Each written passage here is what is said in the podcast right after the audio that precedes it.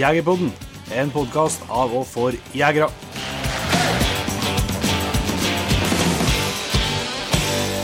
Hjertelig velkommen til en helt ny episode av Jegerpodden. Jon Ingevik, du ser konsentrert ut, vil jeg si. Ja, det er, det er konsentrert på torsdagskveldene, så det, her må man være skjerpa. Må være skjerpa. Ja, det er redaksjonen her som må være skjerpa, som er på topp. I dagens episode så har vi gleden av å ha med oss en kar som heter for Pål Sindre Svae. Yes. Som eh, kanskje flere har kjenner til navnet på etter at de siste par årene har vært eh, en av eh, flere som har lagt ned en stor innsats i å berge rådyrkillinga ut av eh, høstingsklare åkre. Mm. Ved hjelp av Eh, droner. da- Med droner. Og dere har jo engasjert mange, og det er jo mange i mange år som har drevet med stor innsats for å berge rådyrkillingene fra slåmaskinene. Um, og det her droneprosjektet deres det har jo rulla på veldig bra og vist seg å være veldig effektivt. Så det tar vi en prat med han om, og litt uh, deres erfaringer og tips og råd kanskje også til andre som vil prøve seg på å ut og berge rådyrkyllinger. Mm. Det er bare å seg på den. snart, ja, det er jo snart sesong for det. Ja, ikke oppi her, men. Nei, det her er en lite åker å legge rådyrkyllinga til. Ja. Det er som bare snø, snøhula å grave ned til. Nei. Yes. Nei, men uh, vi skal over til en Pål Sindre, men uh, vi har jo noe, vi har jo noe kunngjøring og litt vi må snakke om før òg. Ja. Eh, første vi kan eh, se litt om, det har vi jo nevnt i noen omganger og litt bisetninger tidligere, og vi skal jo eh, om ikke så lenge nedover til glade Sørland, Ja. eh, og blitt invitert til Viltgården. Eh, Der er det jo rett og slett ei jaktmesse, og det blir eh, jegerens og hundens dag, og ikke minst så er det jo nå nylig kunngjort at eh, Jon Steinar tar med seg sin jegerutfordring. Mm.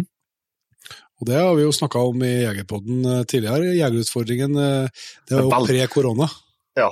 Det er veldig bra at vi må stå på stand. Ja, ja, men eh, eh, nå virker det faktisk som det kan være litt mer aktuelt å delta, for at eh, det var tidtakinga var sløyfa Ja. til årets eh, kun eh, poeng. Sånn at eh, da går det an for både hel- og halv halvfete trøndere å prøve seg, kanskje. Det er sjanse at at du kan slå meg, da. Ja, jeg kan jo slumpe til, selvsagt, og få til det. Så da er jo straks mer Nei, ja, det tror jeg er en kjempeopplegg Jon Steinar og Kristoffer planlegger der, med mange forskjellige poster og, og store muligheter for å ha det artig, det er jeg helt sikker på. Og det kommer jo en del utstillere og blader som kommer nedover, og, og jaktbutikken og, og flere som eh, skal dit og vise fram litt eh, forskjellige greier og selge forskjellige òg. Vi skal nå sette opp en liten stand, vi òg. Mm. Eh, Så er det noe sånn som oss, da, at du har et hjerte som banker for eh, jakt og hunder og eh, Skjøting. at, og skjøting, og syns aldri det kan bli helt nok av det, så tror jeg det er en dag som er verdt å få med seg. da. Det, når eh, Kristoffer og en, eh, Jon Steinar setter i gang noe, så er det sjelden at det, det, det bruker å bli eh, veldig artig og underholdende. Og eh, jeg tror det, er, det er veldig lurt å ta turen dit, for eh, de har skumle planer, de to guttene der. Ja, og så er vi så heldige at vi får lov til å ha en liten runde med Jegerpodden live eh, på kveld der òg. Der eh, tror jeg vi har en ganske kul idé på å få det til å bli artig. og det blir, eh, for å si det sånn, det blir mye jakthistorie. Og det blir den, eh, kanskje også den type jakthistorier som jeg er svak for, i hvert fall, og det vet jeg flere òg, der, det fokuset på at det ikke går så jævlig bra. så det er et, eh, et hint, i hvert fall. Nei, det blir, det blir en kjempedag, og, og, um, og nå, som, som du sa, så har han jo kutta ut tiltakinga på jegerforinga nettopp for å stimulere til å få med, få med enda flere. og, og det, det, det, det skal være artig å være med og delta. Mm. Uh, og det, det, tror jeg det, tror jeg det er. Ja, og tenk da hvis en eh, slumper til å, å gjøre sterkt på jegerutfordringa, da er du jo eh, da er en klar til å være karot til, til jakta starter, altså. Ja, det Se for deg hvis jeg vunnet, Jon Inge. Ja, det var nettopp det som slo meg akkurat nå, ja. Men jeg, jeg, frykter ikke det, da. Nei, det er ikke jeg. Jeg tror du kan sove godt en da. ja. Nei, men det er i hvert fall en, eh, en sterk oppfordring for å si at uh, det er vel verdt å sette seg i bilen og ta turen til Viltgården. Uh, det tror jeg ikke du kommer til å angre på. 4. juni. 4. juni. Da smeller det. Og eh, apropos uh, smell, så har vi jo nå omsider lansert datoene for eh, årets uh, jaktmesse som vi sjøl skal arrangere, Aspehaugen Gamefair. Mm. på Steinkjer den uh, fra 26. august til 28. august. Mm. Det er jo helt i eh, helt i, Det er jo litt jakt har allerede starta, og det er jo båndtvangen gitt seg og sånn, så det, jeg skjønner at det er travel tid, og det er det også, men samtidig så er vi jo helt på brinket til jakthøsten, da, så det skal Mm. jo noe til å ha en bedre dato, egentlig. Ja, og øh, håper flere la merke til at nå eh, går datoen over tre dager. Så det betyr at vi har utvida en del. Ja. Så det kommer en del nyheter. Yes, det, hvis det nå går som vi tror og håper, så eh, blir dere et eh, arrangement som eh, kan gå veldig bra og bli styggartig, kan gå skikkelig dårlig. Ja. det Det kan gå så dårlig at det sikkert blir noen mer episoder i Jegerpoden. det kan bli siste vi gjør, ja. Men vi skal i hvert fall gå all in. Det ser i hvert fall ut til at det vi lander på.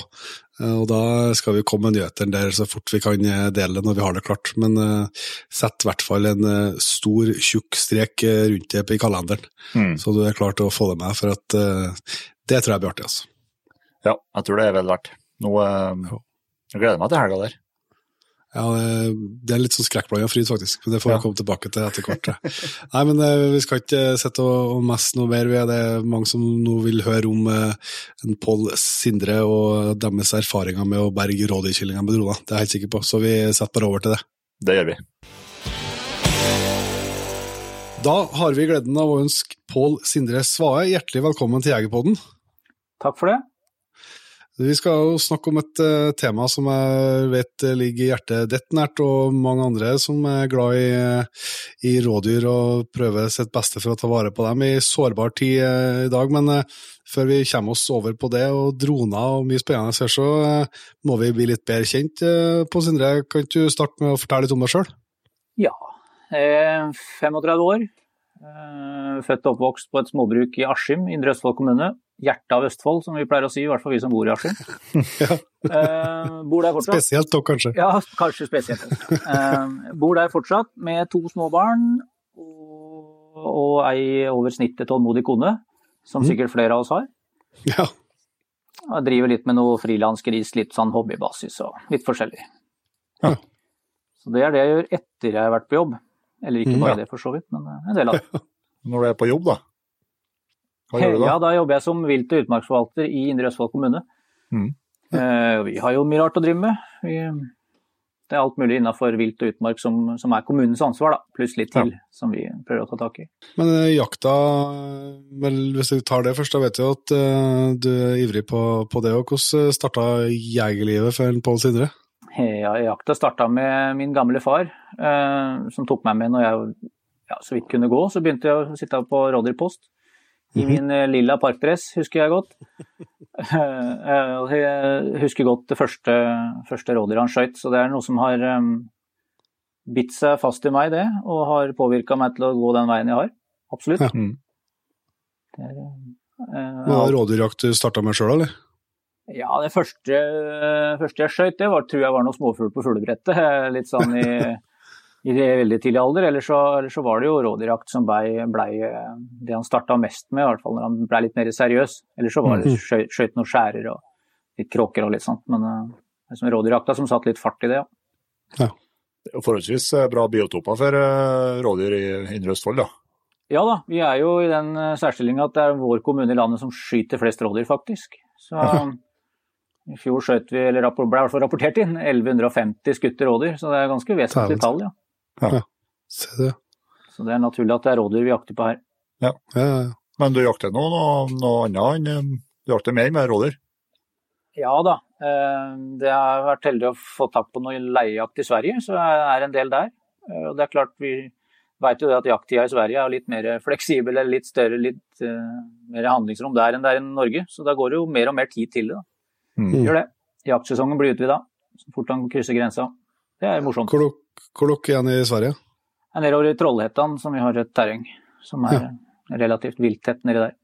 Da er det villsvin og hjort og dåhjort og Ja, det er eller? villsvin og dåhjort og litt kron, ja. Og så vidt noe elg og Ja, det er mest det, ja. Ja. Det er bra.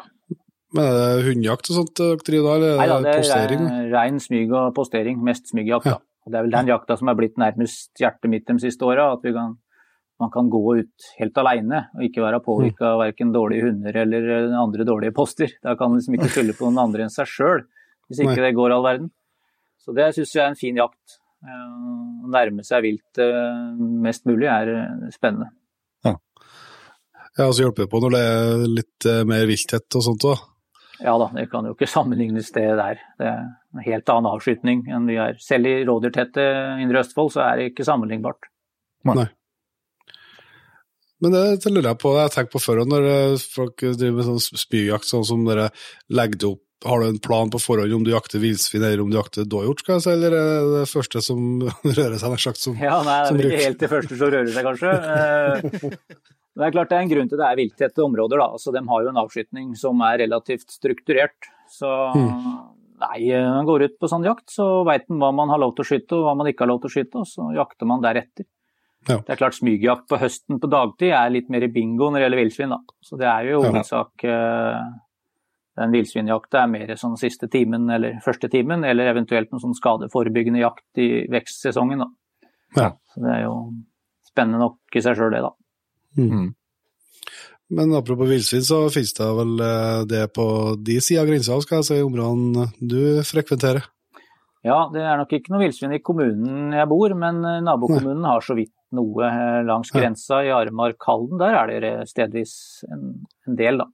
Mm. Vi har, har noe villsvin der, ja. Hvordan er inntrykket ditt der, da? Blir det, kommer det en bølge av villsvin innover oss, eller ser det ut til å være, holdes i sjakk? Det er mer krusning på vannet enn det er bølger, syns jeg. Det har ikke skjedd så veldig mye siden 2005-2006, eh, når de begynte å skyte der nede. Eh, Nei. Både grunneiere og jegere har vel hatt en felles målsetning mer eller mindre om å holde dette i sjakk, og det har vi klart i Østfold. Mm. Det er, der er spredning nå, er egentlig nordover i Hedmark, som kommer inn fra svenskesida og, og, og går vestover, enn en at det er Østfoldgris som vandrer nordover, kan du si. Ja.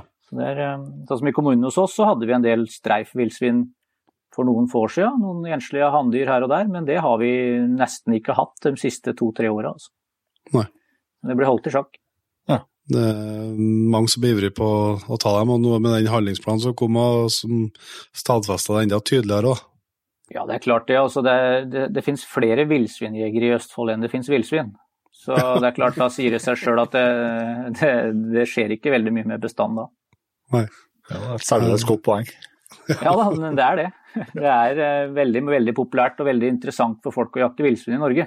Selvfølgelig. Det er nytt og spesielt å slippe å dra over grensa. Ja, det er også eksklusivt. Liksom. Det er ikke, ja, det er ikke, så, det er ikke så stor en klubb av dem som har skutt villsvin i Norge, på et vis. Nei da, det, det blir flere og flere, men det er uh, klart uh, det er ikke alle som har det. Mm.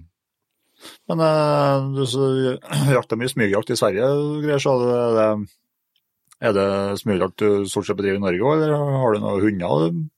Nei, jeg, har, eh, jeg har en labrador, en jaktlabrador, er det eneste jeg har nå. Jeg har ikke noe, noe løs på drevet eller noe som helst drivende hunder.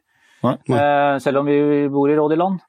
Det er uh, kun en labrador som jeg benytter til litt apportering og litt ettersøk og, ja. og litt sånt. da. Ellers er det smygjakt hjemme òg, ja. Mest det. Ja. Bukkejakta står jo tett, og så er det jordekantjakta, som en del eh, syns bare er noe tull. Det syns jeg er veldig fint å drive med eh, mm. på kveldstid. Smyge rundt i jordekanter. Og... Det er eh, mye smygjakt hjemme òg, ja. ja. ja.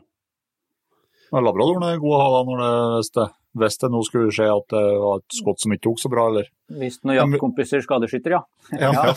det er alltid, alltid, fint å ha det. Altså, jeg er jo en godkjent ettersøkshund og har brukt henne litt i noe, noe offentlige kommunale ettersøk også, men Per nå så er hun litt på pause, så vi venter på en, en valp til nå. da, som har ja, stått ja. noen lister på noen svenske kull, så det blir spennende. Ja, Hva Er det ny, ny labrador da, eller? Ja da, det blir jaktlabrador igjen. Mm. nå skal vi gå fra svart til gul nå, da, så det er forandring frivillig. så det blir bra. Eh, men jeg, men jeg at du, du skjøt litt gås òg, eller? Jeg har jakta en del gås før, det var derfor jeg kjøpte labradoren. For det, jeg var litt lei av uh, gås som fløy på stive vinger og landa et sted ikke vi fant dem. Mm. For det er klart det er ikke en stor andel som blir skadeskutt, men det er noen innimellom. Og da mm. kjøpte jeg en labrador, og det er klart det funker jo det. Utrolig artig å se hvordan en labrador skjønner dette her, altså. Eh, ja. Fra, helt fra starten av. Eh, Hun henta jo, jeg husker hun henta sin første skadeskutte canadagås når hun var åtte måneder. Det var vel nesten gåsa større enn bikkja, men det gikk veldig fint. altså. Ja. Så det er uh, morsomt. Så det er mye med gåsejakt før, men uh, Ja. små unger og, og litt ukurante Ja, det krever veldig mye da, uh, Mm. før sjølve jakta. Det å få tak på gåsejakt og planlegging og alt mulig rart. Og det blir mindre og mindre av det. Det var jaktjakten jakt, med, på åkra og med lokke, lokkefugler og sånn, eller? Ja, det var bulvan på, på jordene nedover langs Østfoldkysten her. Mm. Så vi har hatt noen veldig Tøft. fine jakter på det, altså. Ja, kjempe, det er en av de absolutt favorittjaktformene mine, det.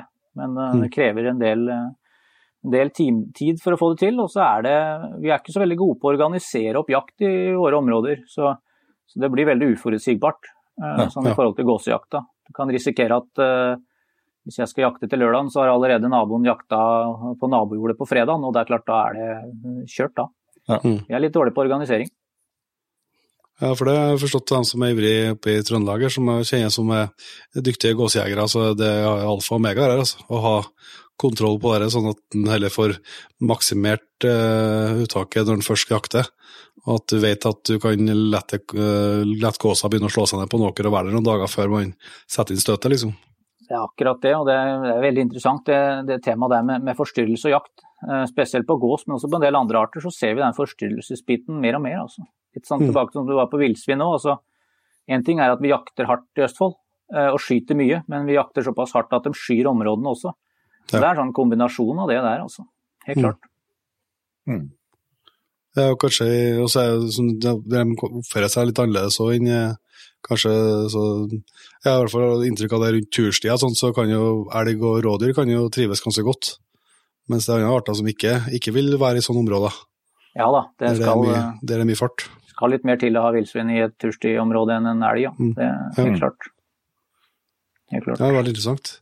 Men vi ser er jo sånn da på Sindre at vi blir jo aldri eh, helt kjent med folk før vi får vite hva som er i våpenskapet, og det er vi nysgjerrig på eh, Ja. når vi har med en utmarksforvalter òg. Ja, ikke sant.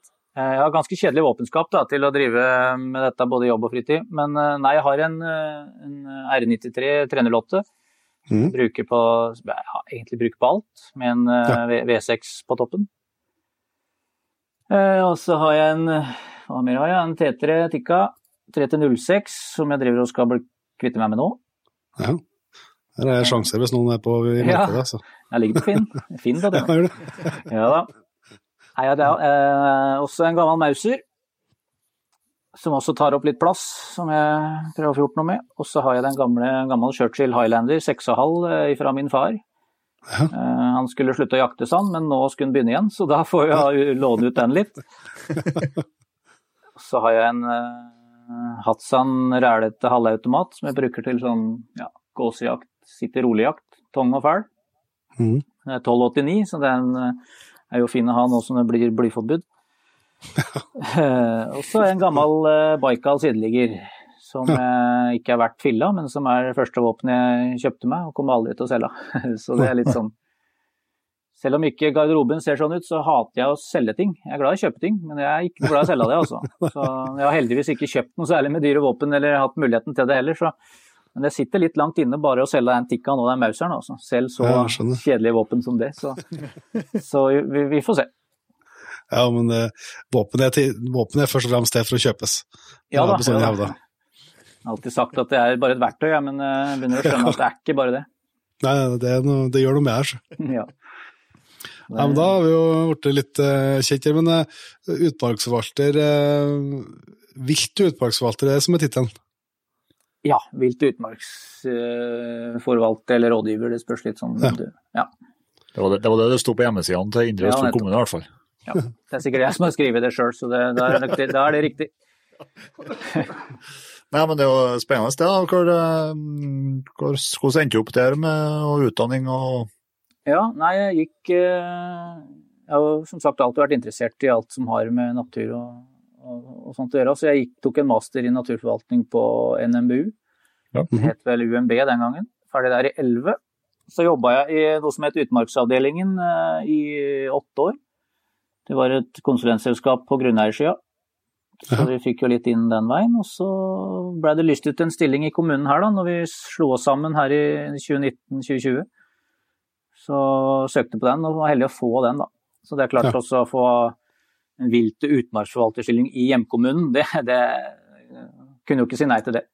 Nei, det helt, Nei, altså, det, du er jo ikke Du er jo eh, ganske ung også til å, til å sette en sånn, til en sånn stilling, eh, hvis man ser på det som er gjengs over i, i landet, i hvert fall. ja da, det virker som det er litt generasjonsskifte nå, da, eh, Ja, faktisk. Men eh, du har jo helt rett, det er jo en sånn type jobb du enten har i to år, eller så har du den i 25. Ja. Så vi får håpe vi ja, Nå har jeg vært der i, i tre, da, så da er jeg vel på vei mot mine 25, jeg òg, da. Men det er jo vært en høy alder på det, det er helt klart. Hva, hva, hva gjør en uh, vilt- utmarksforvalter, for oss som ikke er kjent med? Nei, jeg jobber i kommunen, så er det minst mulig. Nei, det er ikke helt sant, men uh, Nei, vi, det, er, det, det, er, det som er litt interessant hos oss, da, det er jo at uh, vi er en av de få kommunene som har en som er 100% stilling på vilt og utmark. En del andre kommuner har jo ja, 25 på skog og 25 på vilt og litt forskjellig. Mm. Så vi har jo muligheten til å ta tak i en del ting. For det er klart det er, eh, det er ikke så veldig mye kommunen må gjøre, men det er veldig mye kommunen kan gjøre. Ja. Så det er jo derfor vi har tatt tak i dette med droner og rådyr, og det er jo ikke noe krav til at kommunen skal gjøre det. Men, men også er vi jo som sagt Norges største rådyr, rådyrkommune, så det, det gir jo litt fokus det også på avskytning og påkjørsler og alt mulig sånt. Og det, så har vi en, vi har en økende hjortestamme hos oss. Eh, Ja. kommer fra. Sverige, eller? Ja, det er litt begge deler, tror jeg. Eh, Størrelsesmessig så ser det sånn ut, men det er nok eh, begge deler. Ja. Det er utrolig flott gjort hos oss. Vi hadde en som ble påkjørt av toget her for noen år siden, og det, det, er, en, det er vel en LFs største målte i Norge noen gang. Så det er, Ja. det er en del flotte, fine hjort, altså. Mm. Og så har vi en elgstamme som ikke, ikke ser like bra ut, som eh, har litt fokus. Vi, vi har eh, senka stammen mens vektene går ned, så det er ikke noe Det er en del uheldige greier der som vi tar tak i. Så det er- Og så er vi i ulvesone, da, så det tar jo litt Mm. tid. Eh, Ikke at vi jobber så mye med ulv, men det har jo noen ekstra utfordringer for forvaltninga. Mm. Skadefelling og litt forskjellig. Ja, vi, I og med at vi er i sona, så skal det veldig mye til før vi får skadefelling. Mm. Selv med angrep. Men vi har nå, sitter nå som leder i et sånt interkommunalt skadefellingslag for eh, ulv, ja. Eh, Mm. Så, og det er jo det som er litt sånn I og med at vi har tid og ressurser til å jobbe mye med vilt, så blir vi brukt fra de andre kommunene som ikke har like mye ressurser, til å lede sånne samarbeid og interkommunale greier. Så det er, eh, det er mye interessant. Det er veldig mye kontor, altså. Men det er noen ganger man får snike seg ut litt. F.eks. Mm. i Slåtten, eller en som har en beverdemning som skal fjernes og søker om det. Ja. Skadefelling. Og det er veldig mye forskjellig, altså. Ja. Så har vi, vært, eh, vi har vært heldige at vi har blitt benytta litt i noen nasjonale prosjekter, og i og med at vi stikker nesa vår litt fram. Jeg sier vi, ja, da, selv om det bare er meg. Det høres litt bedre ut. Stikker nesa fram i alle mulige situasjoner. Sånn at og da, det er klart, da blir man lagt merke til, og da blir man brukt litt også. Og det er eh, Mm. veldig interessant. Det er Ja. helt klart. Ja, det er jo spennende å få være med på, på en del prosjekter og, og, og prøve nye ting. Ja, absolutt. Og Mm. når det er i de temaene vilt og utmark som man driver med 23,5 timer i døgnet, så er det kjempeinteressant. Når det er ulvesona og så mye rådyr, hvor eh, eh, tar ulven like mye rådyr som man tar elg, eller en prefererer en elg framfor det? Hva er inntrykket ditt? Nei, vi ser jo det, Forskninga sier jo det at i, i områder som har tett med rådyr, så switcher den over på rådyr mer enn elg. Ja. Men nå har, eh, nå har ikke vi noe revir som går i store deler av vår kommune. Vi har noen fliker litt her og der. Så vi er ikke sånn kjempepåvirka nå. Nå ble det jo en uh, pardannelse i Østmarka en, så jeg, som går litt nedover i våre områder. Og så hadde vi jo Rømskog-reviret som, eh, som ble rydda ut nå her i vinter. Mm. Så vi har nok ikke noe kjempepåvirkning sånn direkte, men i og med at nabokommunene våre er mer påvirka, så får vi veldig lite tilførsel derfra også, da. Så Ja. det er ganske komplekst, egentlig. Mm. Hvordan, det er dere med, vi skal jo snakke mye rådyr etter hvert, men før vi går på det, hvordan gjør dere, har dere hvordan med forvaltning og sånt på, på rådyrbestand? Har dere liksom begynt å jobbe noe, noe med det, eller er det fri tillatelse fritt, skal jeg si, og hvis du har en åkerlapp, så er det bare å ut og, ut og jakte? Ja, vi har prøvd å være veldig bevisst på det med roller i kommunen hos oss, sånn at vi gjør, prøver å gjøre ikke noe mer eller mindre enn det vi skal. Nei. Og det er klart det kommunen skal, det, og det har vi gjort, har, er at vi har etablert målsetninger for de tre hjorteviltartene. Rådyr, elg og hjort. Og Der sier vi jo litt om minsteareal og hva vi anbefaler som avskytning og litt forskjellig. da. Så vi senka minstearealet til 250 mål vi nå når vi ble en ny kommune. Så der er både innmark og utmark teller likt, så, og det har gjort at vi har skytet mer rådyr. For det er klart når vi kjører på Vi hadde 350 rådyr på kjørsler i fjor. Oh, Og det er jo altfor mye, ikke sant. Ja, ja, ja. 200 av dem dør, og resten er litt begge deler. Så, Ja. så det er altfor mye. Men så er jo det ikke bare Det er liksom ikke bare rådyrbestanden som styrer det, da. Det er jo, det er jo det er mye kulturlandskap, og det er mye mat som dyra flytter seg etter. Det er mye Mm. jordbruksvekster her og der, og det er mye veier. Og det er jo litt sånn som eh, Vidar Holte sa en gang når man ble spurt om eh, hvor det er mest eh, rådyrpåkjørsler, og fellesnevneren er der det er vei. Og det er jo sånn hos oss også, ikke sant. Det er, hvis, du får, hvis du tar Indre Østfold-kartet og skal legge inn viltpåkjørsla, så er det en litt sånn halvdårlig haglesverm. Ja. Så det er overalt. Så det er vanskelig å sette av noe sånn kjempekonkret tiltak, egentlig, annet enn å skyte litt hardere. Ja. Mm. Vi har prøvd å ha litt fokus på å så- og så prøve å skyte litt med hoder. Selv om det ikke er søt musikk i alle jegers ører, så er det eneste måten vi kan holde en bestand nede på, er å skyte mer hoder. Ja. Det er veldig fokus på i hvert fall disse ett- og todyrsvalla. De skyter gjerne én eller to bukker. Og det er klart, da har vi en, en altfor skeiv eh, kjønnsfordeling i det vi skyter. Og det er ikke noe bra. Nei, Nei, for at uh, når du sa det minstearealet, så, så er det hvis du, har, uh, hvis du har 500 mål, da, så kan du skjøte to Ja. på dis. Det er sånn det funker. Så er vi jo litt firkanta i det kommunale. da. Så har du 495, så har du ett. Ja. Så det er litt sånn eh, Men vi har prøvd å oppfordre til samarbeid. eh, For det er klart, når vi har Vi tildelte 2500 rådyr i fjor, eh, og det var på 600 rådyrvalg. Det er. Det er det som jeg sier, altså vi er for dårlige til å organisere oss. Jeg har krav på ett rådyr, og naboen har krav på ett, ja da tar vi ett hver. Istedenfor Mm. å ha to sammen.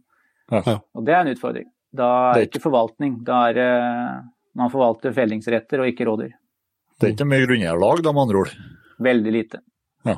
Det er helt eh, borte. Det, Det høres ut som du har, det høres ut som du har noe prosjekt du kan ta fatt i framover òg, da. ja, det der lerretet der blir aldri ferdig bleka, tror jeg. Eh, vanvittig mye å ta tak i. Men, eh, Mm. Så jeg blir ikke arbeidsledig på de første, første åra. Helt sikkert. Mm. Nei, vi jobber ikke mye med rådyr ellers, altså. For det er klart vi tildeler rådyra, og så skytes de der de skytes. Mm. Og så rapporterer vi det, og det er nesten egentlig det vi har, pluss påkjørsler. Ja. Så det er, Ja. er me, jeg bruker me, betydelig mer tid på de 100 hjorta vi har i kommunen, enn de tusenvis av rådyra. Ja. Ja. Så det er eh, litt forskjell. Men det er vel eh, litt sånn gjengs over det, altså, og litt sånn som vi er som, men, som av mennesker på de, så det større dyrene er, dess lettere er det å gi dem oppmerksomhet. Ja, så tror jeg det med hjorten er for at det er den, en av de nyeste viltartene vi har for vårt Mm. område. Altså, dersom en kompis sier at hvis det står seks elger og én hjort og spiser på eng, så er det hjorten som er problemet. Og det Mm, er litt sånn. eh, Vi har eh, stort fokus på skader på hjort, og det er klart hjorten gjør skade, den. Det er ikke noe tvil om det. Men eh, fokuset er nok litt større enn de reelle skadeutfordringene, tror jeg. Men hva er det et ønske at den hjortebestanden ikke skal, ikke skal få økt, da, liksom blant, eh, i, hovedsak blant eh, jegerne og grunneierne i, i kommunen, liksom, eller er det ønske om at de skal etablere seg og, og vokse? Nei, Jegere har nok et ønske om en økt hjortestamme, tror jeg. Eh, grunneiere er nok litt mer delt. De, de skadelidte vil vel ha minst mulig, og så er, sitter jo vi i kommunen og skal prøve å sjonglere det. Da. Så vi har jo sagt at vi ønsker en lav, men robust bestand. Altså at vi, Ja. ikke, at vi ikke når de har tetteste bestandene på, på Vestlandet, men at vi har litt grann hjort, og at den er sunn, med store, flotte bukker og god reproduksjon og fin flokkstruktur. Da. Ja. Det får gjenstå om vi klarer å gjennomføre det. Altså Per nå så er vi nok der, men det, den vokser litt raskere enn det vi egentlig tror. Elgen var du litt mer bekymra for, eller det? Ja, jeg liker ikke det, altså at vi har redusert elgbestand, og så likevel så, så raser slaktevektene på både kalv og ungdyr ned, og, og kalveandelen. Det er ikke noe bra, altså. Vi kan ikke skylde på ulven heller, selv om det hadde vært lettvint. Så nei, det er litt eh, Det er nok eh, sammensatt, men det blir interessant i framtida å se om det, er, om det er klima, eller om det er eller om det er blåbæra, eller om hva det enn er som gjør dette her. Altså. Er, vi vet ikke. Din, har du noen teori sjøl? Jeg tror det er en blanding. Ja. At vi har nok skutt litt for hardt på de store eh, reproduktive dyra, både ku og okse. Vi har litt lav okseandel. Eh, og så har vi de oksene vi har, er litt for små. De rekker ikke å bli gamle nok. Og så har vi klima som slår ut litt. 2018, da var jo kalvene dårlig vekt over store deler av fjøla. Mm. Sliter med å sliter med å få forståelse for at vi må skyte mye kalv for å få de, unge, de små kalvene ut av bestand. Mm. Uh, og det er klart En kalv født i 2018, det er ikke noe sånn, sånn kjempeproduktivitet på de dyra. Nei. Uh, og så er det en kombinasjon av det, og så tror jeg en kombinasjon av litt skogbruk også. at vi, Flathogsten er vel og bra den til en viss grad, men uh, når det blir så mye som vi har hos oss nå, så blir blåbæra borte på en del områder. og det vi vet at blåbær er veldig viktig for flere ja. arter. Ja, jeg synes det sånn gjengs over, i hvert fall fra nordlandsgrensa og sørover, eh, så synes jeg det er jevnt over at det er mm, det snakkes mye da, om at, om at vektingen på, på elgen går stadig nedover. Mm. Ja, det gjør det. Det er ikke noe bra i hele tatt. Jeg tror det er, som, som, oppsummert så tror jeg det er vanskelig å sette fingeren på én ting. Det er, nok, ja. mm. Eh, det er nok mange ting, og noe av det tar lengre tid å rette opp i en annen. Så vi får prøve å gjøre litt, uh, litt framover. Og det ser vi jo Valla hos oss. Jo, vi er i andre året på planperioden nå, og nå, nå tar de jo grep. Nå endrer de jo mm. avslutninga underveis for å forsøke å gjøre noe med det. Ja. Så det er et kjempegodt samarbeid mellom, mellom Elgvalla, jegere og kommunen, syns jeg. Mm. Det er ikke noe sånn eh, det jeg tenker på, det, det Statistikken lyver jo sjelden, ja, men hvis det, hvis det, det, var ikke på noe tidspunkt at man begynte å betale elgjakta per kilo. Det har man alltid gjort, eller?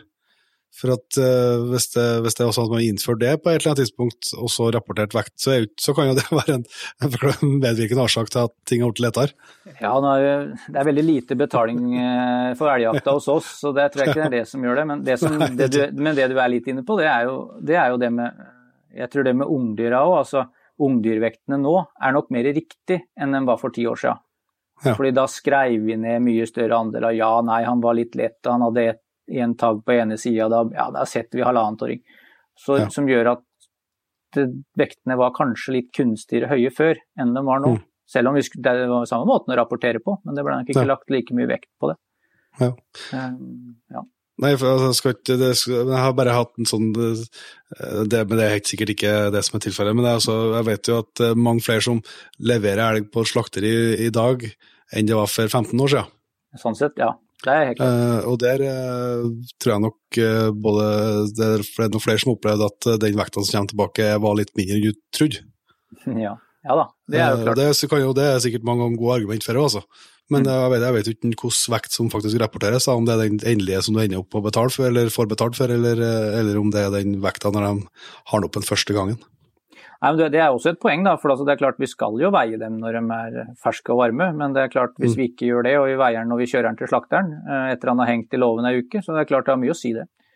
Ja, det har noe. Altså, i hvert fall eh, og likeens hvis, hvis du leverer dem med pelsen på skal jeg si, til et slakteri, så er jo de eh, kanskje mer nøye enn en enslig jeger med å, med å skjære rent og, og, ta bort alt som ikke er, er kjøtt som når de skal betale for det sjøl, eh, som ikke er brukbart til, til mat. Så, mm. så forsvinner fort noen kilo der, ja.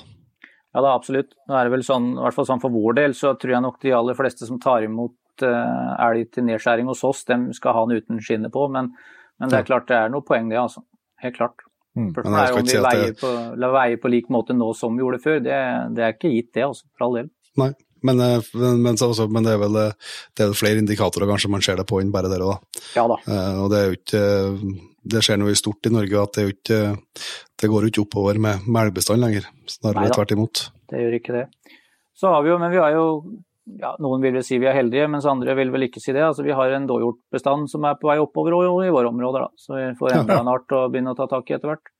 Ja. Det er jo interessant ja, den, nok. Ja, Blir den ønska varmt velkommen, eller? Ja, blant jegere så er det nok det. Men ja. De aller fleste, men det er nok ikke alle grunneiere som syns det er like fett. Nei. Nei. Så, det er jo rester fra rømte dyr som man ikke klarte å få tak i, og så har de yngla noen år. Så vi har en god del av det, faktisk. Ja.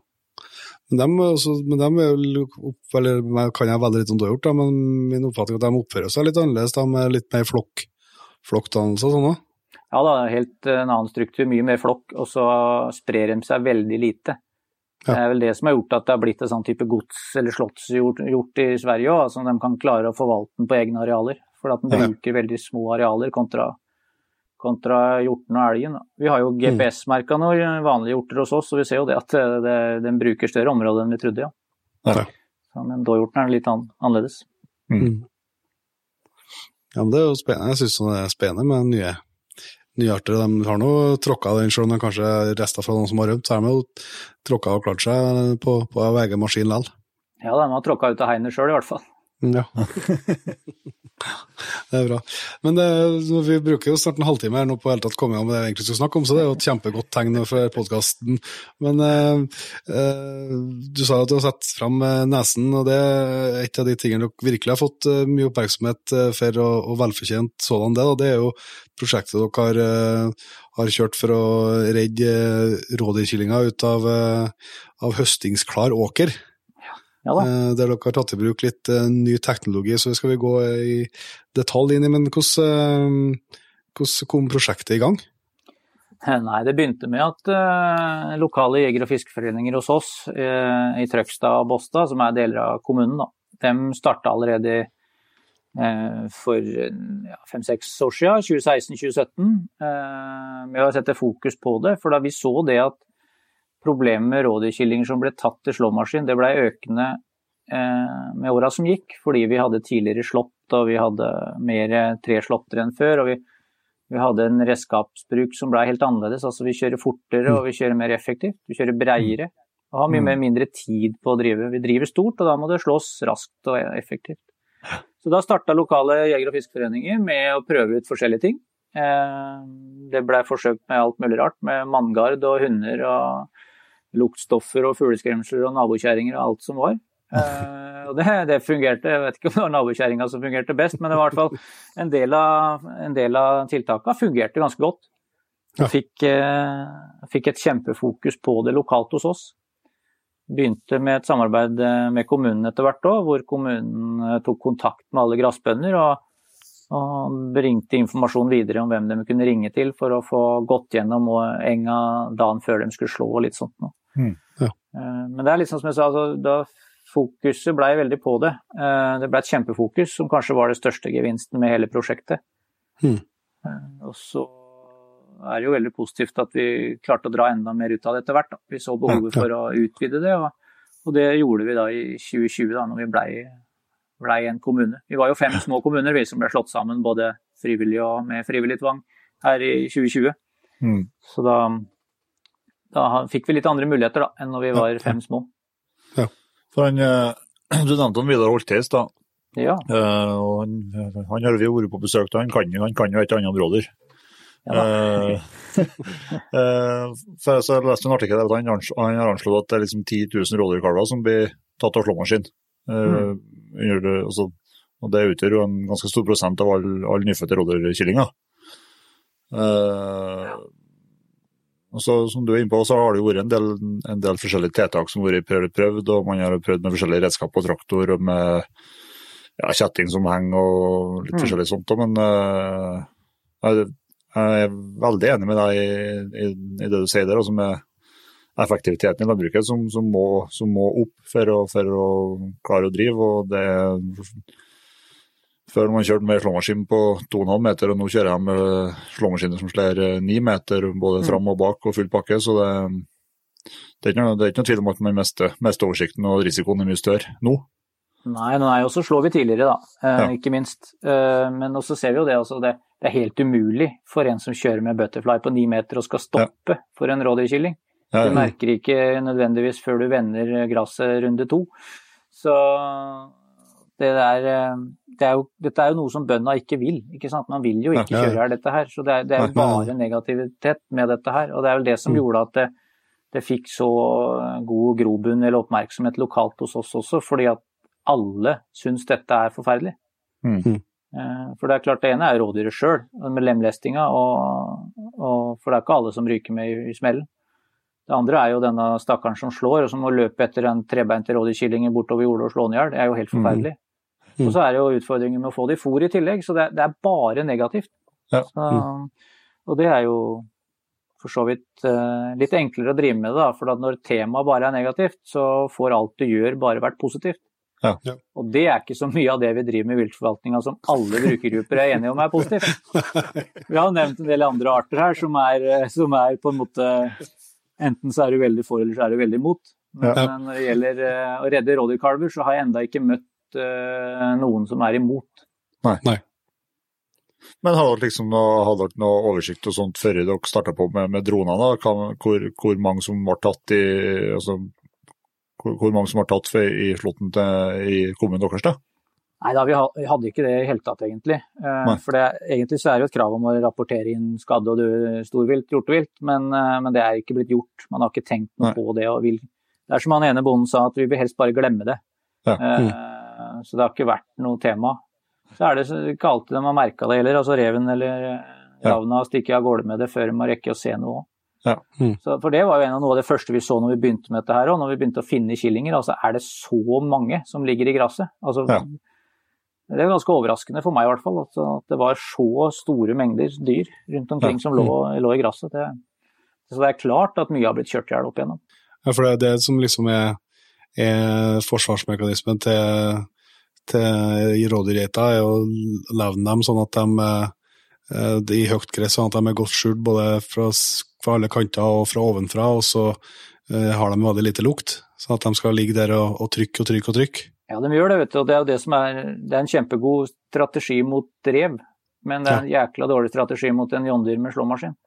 Yes. For det er klart, Den ligger jo bare der, den, og trøkker. Og Mm. vi ser jo det når vi er ute og går òg. Den gangen vi gikk manngard eller med nabokjerringer og bikkjer og alt som var, så gikk vi ofte forbi dem. Ja. Eh, eller at man kanskje nesten tråkka på dem før man så dem.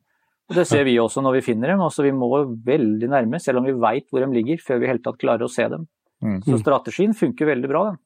Ja, og så er det jo, må det være en annen fordel. da. Det er jo sikkert ikke alle uh, grasbønder som setter pris på at det går manngard opp i åkeren før den skal slå over. Nei, nei, absolutt ikke. Det er absolutt ikke. Det liker å gjøre det oven, oven, ovenfra. Litt bedre å kjøre i lufta, og så heller gå ei stripe ut og, Ja. og ei stripe inn igjen. Helt klart. Men dere, altså at, det er mer ligger sånn, det er jo det som er grunnen til at eh, det stort sett årlig er noen avisoppslag om noen som har funnet et eh, forlatt rådyr, som Mm. slettes ikke trenger å være forlatt. Nei da, vi har, har sånn årlig nesten vi også. Vi hadde en i fjor som det kom en guttunge rundt en fotballbane med et rådyrlam i henda. Og det er klart det eh, Det er ikke noe heldig, det. Nei. For det er jo strat, eh, mekanismen er jo sånn. altså Den skal ligge der, den. Og det kan jo lett løfte den opp. og det, det er en del av det. Ja, Mm. men det er klart at det, det er jo liksom så det, det er jo helt sikkert, som du sier, en smart strategi, for eh, det er jo en grunn til at de ikke gjorde det, å gjøre det sånn, men eh, for oss mennesker så er det jo ikke intuitivt hvis man ikke er kjent med at det er sånn. Så det er jo lett å forstå en reaksjonen at eh, når man ser et lite rådyr, liten rådyrkylling, at den her er jo forlatt alene og må ha hjelp. Ja, absolutt. Nei, det er jo helt naturlig, det. Så det, vi prøver jo å gå ut i media hvert år vi med det, og så si det at la dyreba unger, dyrebarn, være i fred. Ja. Mamma er i nærheten. Mm. Er ikke jeg noe tilhenger av å menneskeliggjøre all verdens på dyrefronten, men eh, når det gjelder sånne ting, så må vi bruke litt ord som folk, folk forstår, da. Men hvor eh, kom ideen med å, å begynne å fly opp droner ifra? Jo, den kom egentlig fra to steder. Eh, Vi, når jeg fikk denne jobben, så var jo Jeger og Fisk i kontakt ganske tidlig og sa at ja, vi må fortsette med det vi har, eh, det vi har gjort. Ja, tenkte jeg, kan vi gjøre det bedre? Og begynte å søke litt på nettet. Som dere vet, så finner du alt på nettet. Som Mm. jeg fant eh, en del fra Tyskland som hadde god erfaring med det her. Eh, Ja. Og det er klart, i Tyskland så skyter de en million rådyr i året, så de veit hva de driver med når det gjelder rådyr. Mm. Og, så fant jeg ut også, også at Averøy kommune med, med Bjerkestrand, eh, skogbrukssjefen der, hadde jo allerede starta opp i 2020 dem, Ja. med å lage en veileder for akkurat dette vi skulle i gang med. Dette med å kjøre drone, og hva slags innstillinger og hvordan man utførte det. Så det var eh, virkelig det som gjorde at vi fikk fart på oss, det Bjerkestrand og gutta hadde gjort der borte. Mm. Det skal virkelig ha ære for. Eh, nei, og så prøvde vi det. Kjøpte jeg drone rett og slett med noen viltfondpenger vi hadde, og begynte å kjøre. Og de første dagene vi kjørte, så hadde jeg med meg en, eh, en lokal helt på grensa til, eh, til bygdeoriginal, Asbjørn Næss. Eh, Han, eh, han må nevnes når jeg snakker om rådyr og killinger, fordi han er, han er med uansett. En utrolig Jobber gratis hver dag. Uansett, han, han, og jeg vi prøvde dette her og kjørte en tre-fire dager vel. og sånn, Det vi trodde var tidlig morgen, vi fra ni-ti-tida et par timer ut, og fant ingenting annet enn steiner og, og varme jordflekker. Og lurte på hva pokker er dette for noe drit. Eh, men så begynte vi å finlese litt på det Averøy hadde gjort, og dem, eh, der sto det jo der 'kjør tidlig på morgenen'.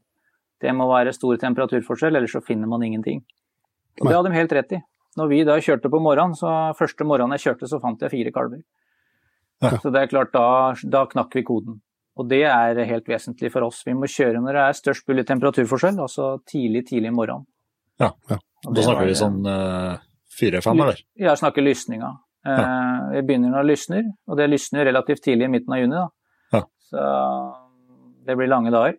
Men det er, eh, det er verdt det, uten tvil. Selv om vi vi har jo vært flere piloter, vi, men første året så var det bare meg. Og da farta jeg rundt i hele kommunen i 14 dager, tre uker, hver dag.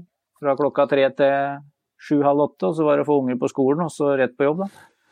Så det er eh, Jeg må innrømme det at i slutten på, slutten på, sesongen da, så var det ikke like gøy å finne dem som tidlig på. Men det, det er klart, når du har en sånn eh, flekkete rådyrkilling i armene dine som du veit at den der hadde blitt eh, i beste fall avliva av en slåmaskin, i verste fall lemlesta og blitt revemat på dag to, det, mm. det gjør noe. Altså da, mm. da må en ikke skrive overtid på hver eneste time da, altså. Nei, nei, nei. Men uh, hvor, hvor vi har starta enda? Jeg tror det er termisk kamera på denne, eh, på denne drona. Hvor vi har starta på natta for den del? Er det for, eller er for liksom å være så tett opp til uh, slåtten som mulig at dere må starte lysninga, eller? Ja, det er jo det viktigste er jo egentlig å kjøre så nærme slåmaskin som mulig, altså når slåtten begynner. Helt klart. Ja. Vi er nødt til å kjøre samme dagen, så ikke vi eh, kjører over og flytter og flytter rådyrreita dem inn igjen. Mm. Men uh, det aller beste er jo selvfølgelig å kjøre rett før de kommer, men så er det jo sånn at alle skal slå samtidig, da. Ja. ja. Uh, værforhold og høyde på gras og alt som er, og så er det kanskje mange som slår for andre. og så så det, det, ideelle er vanskelig å få til. Så, ja. så, lenge vi klarer å holde oss eh, på samme dagen som man skal slå, så, så har det gått greit. Så mm. var det det med regelverket tidligere var at man, vi hadde ikke lov til å kjøre når det var mørkt. Men det er eh, blitt litt annet regelverk de, de siste åra. Så ja. det er ikke umulig at vi starter eh, veldig, veldig tidlig i år hvis vi har mye, mange navn på blokka. Mm. Det er helt klart. Men, eh, men nå, altså i starten så Du sa før her at da kjøpte dere en drone, og så var planen at eh, den skulle kjøres blant, bare lånes ut og kjøres frivillig? Ja, vi skulle jo det. Vi, eh, jeg har en litt sånn dårlig egenskap med at hvis vi prøver noe, så bare gjør vi det. Så jeg bråkjøpte bråkjøpt den jo, som sagt. da. Tenkte dette blir lett, dette skal vi ordne. Og så skulle jeg få disse viltvaktfolka mine til å kjøre ja. som går ettersøk eller eh, behandler fallviltet for kommunen. Men så viste det seg at uh, da må man uh, ha sånn i forhold til ansvar og ansettelsesforhold og forsikringer og sånn, så måtte det være en fast ansatt i kommunen da, som skulle kjøre. Ja. Da var det jo ikke så forbanna mange andre enn meg da, som hadde tid og lyst Eller tid vet jeg ikke om jeg egentlig hadde, men jeg hadde i hvert fall lyst. Fruen mente jeg ikke hadde tid, men, uh, men det, det løste seg det, altså. Ja. Så lenge man kjører før, før, hun skulle på jobb, så gikk det greit. Ja. Nei, Så da kjørte jo jeg, da. Um, og jeg hadde jo aldri kjørt noe annet enn papirfly, tror jeg. Så, så jeg var litt spent på det, men det, det gikk utrolig greit, altså. Det er, um, jeg har kjørt noen timer nå og enda ikke krasja. Jeg var så vidt borti ei eik når jeg kjørte for en Vidar Holte borti Vestby, men ellers så har det vært, uh, har gått veldig bra gått noen propeller i noen nødlandinger, men ikke noe alvorlige greier på alle de timene. og Det, så det er utrolig enkelt. Det er mye sensorer og det er mye teknologi i den drona, men veldig, mm. veldig enkel å kjøre. Ja. Så hvis det er folk som vegrer seg for å begynne fordi at man ikke har noe kunnskap om sånt, så er ikke det noe vits å tenke på engang. For det er veldig, veldig enkelt, altså. Ja. Men det kreves ikke en sånn uh, sertifisering og sånt for å fly over et jorde? Jo da, det gjør det. Nå er det jo blitt uh, regler på at alle droner skal registreres. Uh, ja. Så det er på flydrone.no heter det. Der er det ganske gode beskrivelser på hva som gjelder. Så man må registrere seg der. Man må ha forsikring i orden. Man må registrere drona. Og for den kjøringa vi skal, da, hvor det kan være litt tett opp i hus, så må man uh, ta noe som heter A1, A3-eksamen på nett okay. først. Eh, ja, det er noen sånne betegnelser på litt Det er jo teori, da. Og så må Ja. man ta noe som heter A2-eksamen da på trafikkstasjon, faktisk, på Biltilsynet etterpå. Ja. Så det er blitt relativt eh, omfattende, men det, det er jo fornuftig det. For det er klart, uh, du kjører med noe som, selv om det ikke veier mer enn to kilo, så kan det gjøre ganske stor skade hvis man eh, treffer en i panna med den. Også. Så det er ja. strenge regler, men eh, ikke så strenge at det er vanskelig å drive med noe med, egentlig. Nei. Så, Men men fortell litt om når dere har fått litt erfaring med, med flyginga og teknikken for å fly. Da. Hva, hvor høyt over eh, hovrer dere, og hvor store områder liksom, kan en, kan en dekke på, på, liksom, på ei stripe over? Ja, ikke sant. Nei, vi, vi har jo Den drona vi har, da, det er en som var veldig flott i 2020, men som nå er selvfølgelig utdatert. For dette her går jo så fort. Ja. Så det som eh, den vi bruker, den eh, er litt treigere, eller den eh, dekker litt mindre areal, fordi vi må kjøre en del lavere pga. kvaliteten på det termiske kameraet. Så vi har kjørt på mellom 15 og 20 meter. Eh, og så kjører vi ca. 10 km i timen, og så kjører vi ja, hva er det vi snakka om, 50 mål på et batteri. Det er okay. batterikapasiteten som er den store bøygen med dronene. Vi kjører Ja. ikke mer enn 20 minutter altså, på, på et batteri. Men batteri Eh, får du kjøpt. ikke- Batteri får du kjøpt, det er helt riktig. Så, eh, men må, da må du inn og bytte. Eh, Men det er, det er neste poeng. altså Skal man begynne med dette, så, så er man avhengig av mye batterier. Eh, Ja, ja. Så, men med den drona som har tatt over for den vi har, da, så kan man kjøre en del høyere. Og da dekker man eh, betydelig mer areal da, Mm. per tidsenhet enn det vi har gjort. Men For dem eh, vi jo er- ja. For dem som er ordentlig dronenerder, hvilken eh, modell og merke snakker vi som er godt egnet til formålet?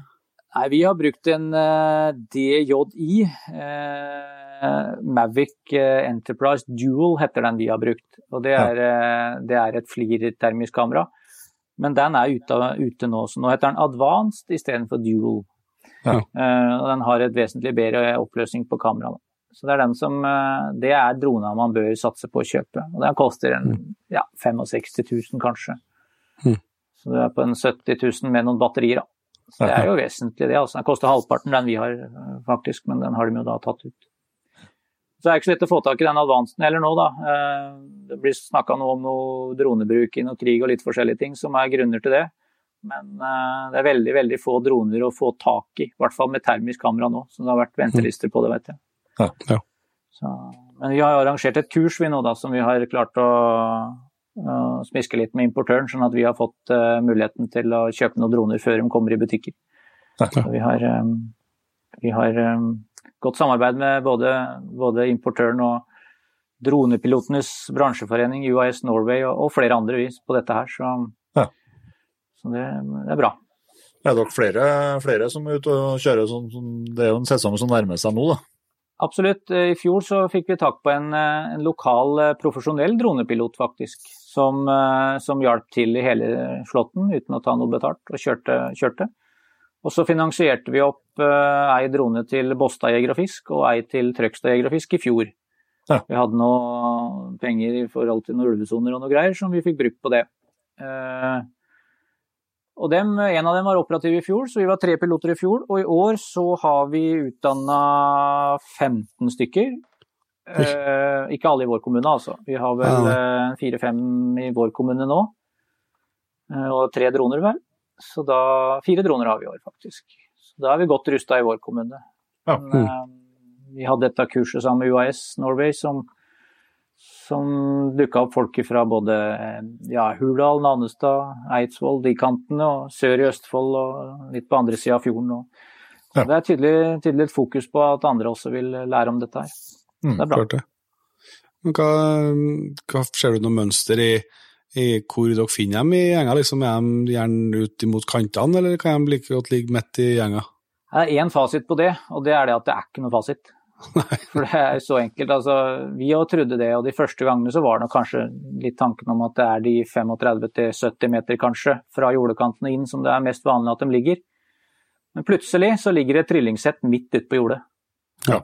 Så det er eh, så det er rett og slett ikke noe grunn til å bare kjøre kanten. Vi er nødt til å kjøre hele forbanna jordet eh, for, å, for å finne alt. Det er helt klart. Det er sånn nok mest vanlig å legge dem i kanten, men, men vi vet aldri hvor vi finner dem. Altså. Men sånn uh, flygeteknisk, da Jeg vil jo tro nedover der så er det ganske store åkerlapper. Det er snakk om etter hvert uh, har du ordna noe sånt system så du, hvordan du flyr for å dekke over hele åkeren, eller? Ja, det er både store åker og veldig små hos oss. Altså, mye av de der små lappene med mye kriker og kroker, den blir brukt til gras. Ja. Fordi at treskere ikke får tak på det som står der. Så. Men nei, vi, vi, har kjørt både med sånn autogrid eller autopilot, og så har vi kjørt manuelt. Ja. Eh, jeg syns det er best å kjøre manuelt, for da er jeg mye mer kontroll på å stoppe og høyne og senke og alt mulig rart. Mm. Så da begynner jeg ofte med å kjøre en runde rundt hele jordet. Ja. For på, på, kontrolleren så har vi jo flyfoto, og så har vi, akkurat som på en Garmin, så får vi den hvite streken der vi har vært. Og ja. det er fint, for da ser vi alltid hvor vi har kjørt. Ja. Og hvis man da har et viss formening om overlappen, eller viss formening om hvor bredt det termiske kameraet opererer da, så kan vi kjøre med minst mulig overlapp eh, og mest mulig effektivt over hele jorda. Prøver mm. å kjøre transekter, eh, vinkelrette linjer der det er mulig fram og tilbake. Da. Ja. Mye av det vi gikk gjennom på dette kurset, hadde jo med sånn teknisk kjøring og sånn som, som, vi var litt opptatt av. Det er litt sånn, eh, Poenget er å gjøre det mest mulig rasjonelt når batterikapasiteten er en utfordring. Mm. For Det er klart, hvis vi, det er jo Murphys lov, altså finner vi ett på det jordet, så er det på det siste batteriet helt til slutten. Og mm. lengst unna. ja. eh, så det er noen utfordringer med det, altså. Men eh, kan vi spare litt batteri og strøm på det, så er det helt supert. Men Hvilke erfaringer har dere gjort dere sånn for å altså, Er det jo den som står og, er det en som står og opererer droner, eller har dere noen som følger med, følger med, er med og følger med bildet i tillegg til piloten, skal jeg si, eller greier man begge delene? Nei, Man greier egentlig alle tre delene. Uh, ja. For altså, Det mest ideelle er at én kjører og ser på drona hele tida, og én ser på skjermen, og én går ut og henter rådyrkyllingen. Ja. Men uh, jeg har kjørt veldig mye aleine, og det går det jo, altså. Ja. Men da går jo tida, eller da bruker man betydelig mye mer strøm. For det er klart, da finner man en, en killing ute på jordet, så er det bare å løpe, så lenge han orker det, da, i 90 eh, cm høyt gress. Mm. Eh, fram til killingen og la drona henge over mens man bærer den ut. Det er klart, ja. Da går det mye strøm. Mm. Eh, men eh, det ideelle er at man er i hvert fall to, da. At man har ja. en som driver med alt med drona, og så en som går og henter, henter kalven, eller går bort til der han er, da. Ja. For det, det vi gjør, er jo at når vi kjører transekta våre, og så finner en rådyrkilling, eller en, et varmeutslag, da, kan jo aldri være helt sikker på at det er et rådyr, kan jo være en felthare eller et eller annet også, er at vi, vi senker drona ned og switcher til det optiske kameraet, sånn at vi ser faktisk hva det er for noe. Og så sender vi da en medhjelper ut, da, mens drona henger over kalven eller killingen. Eller, ja. ja. Mm. Så flytter altså, vi den ja, for du, du kan du switche over til, til vanlig kamera mens, mens drona, drona, ligger der, på et vis? da? Ja, så kan man switche, switche fram og tilbake så mye man vil. og det er veldig fint, for da kan man se, i hvert fall sånn i starten, så ser man da om det er en jordflekk eller om det er en rådyrkilling. Ja. Men jo mer han kjører, jo færre ganger bommer han. Så ja. det er jo litt sånn, man ser jo det. Dere har sikkert titta mye termiske kikkerter, dere, ja. og det er klart de første gangene så skiller du kanskje ikke hjort og rådyr, men får du brukt det litt, så skiller du det ganske greit. Ja, ja, ja altså, det, det, det, på, når du begynte å se litt sånn termisk, så så utover i li sånn så det, hvordan i all verden skal du klare å skille ut hva som er hva, det ser ut som alt er varmt. Mm. Men så du skal ikke bruke så mange ganger for liksom, hjernen har lært seg hva den skal se etter. Det er jo sånn det er, det. Men det, det, apropos det å gjenkjenne, det må jo tro at uh, du snakker jo om at det er givende utvikling. Det kan ikke være så lang, lang tid før uh, Google eller DJI eller noen av de luringene der har, har bildegjenkjenning på en sånn termisk eh, sak, sånn at den drona kan operere helt eh, på auto, eller? Nei, det de, får de sikkert. Men vi har ikke gått så mye inn på den biten der, for da nei, det er ikke sikkert, det. det er ikke behov for meg. nei, nei.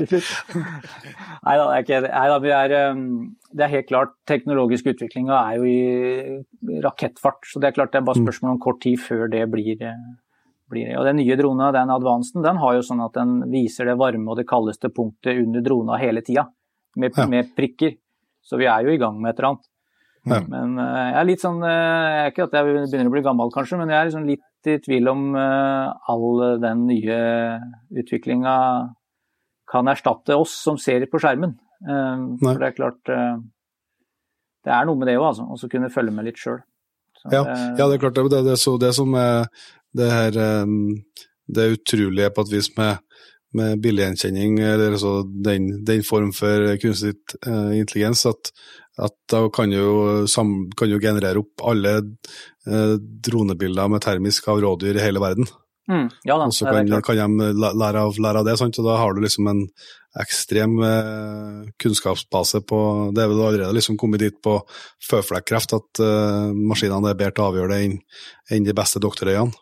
Ja, det er klart. Eh, det er jo et poeng, det. Altså, det er klart, Mine øyer er ikke Jeg, jeg har jo briller på òg, så det er jo klart det er ikke Det kan nok hende kunstig intelligens er bedre enn en skjerva østfolding til å titte på en skjerm. Er, du er nok inne på noe der, altså.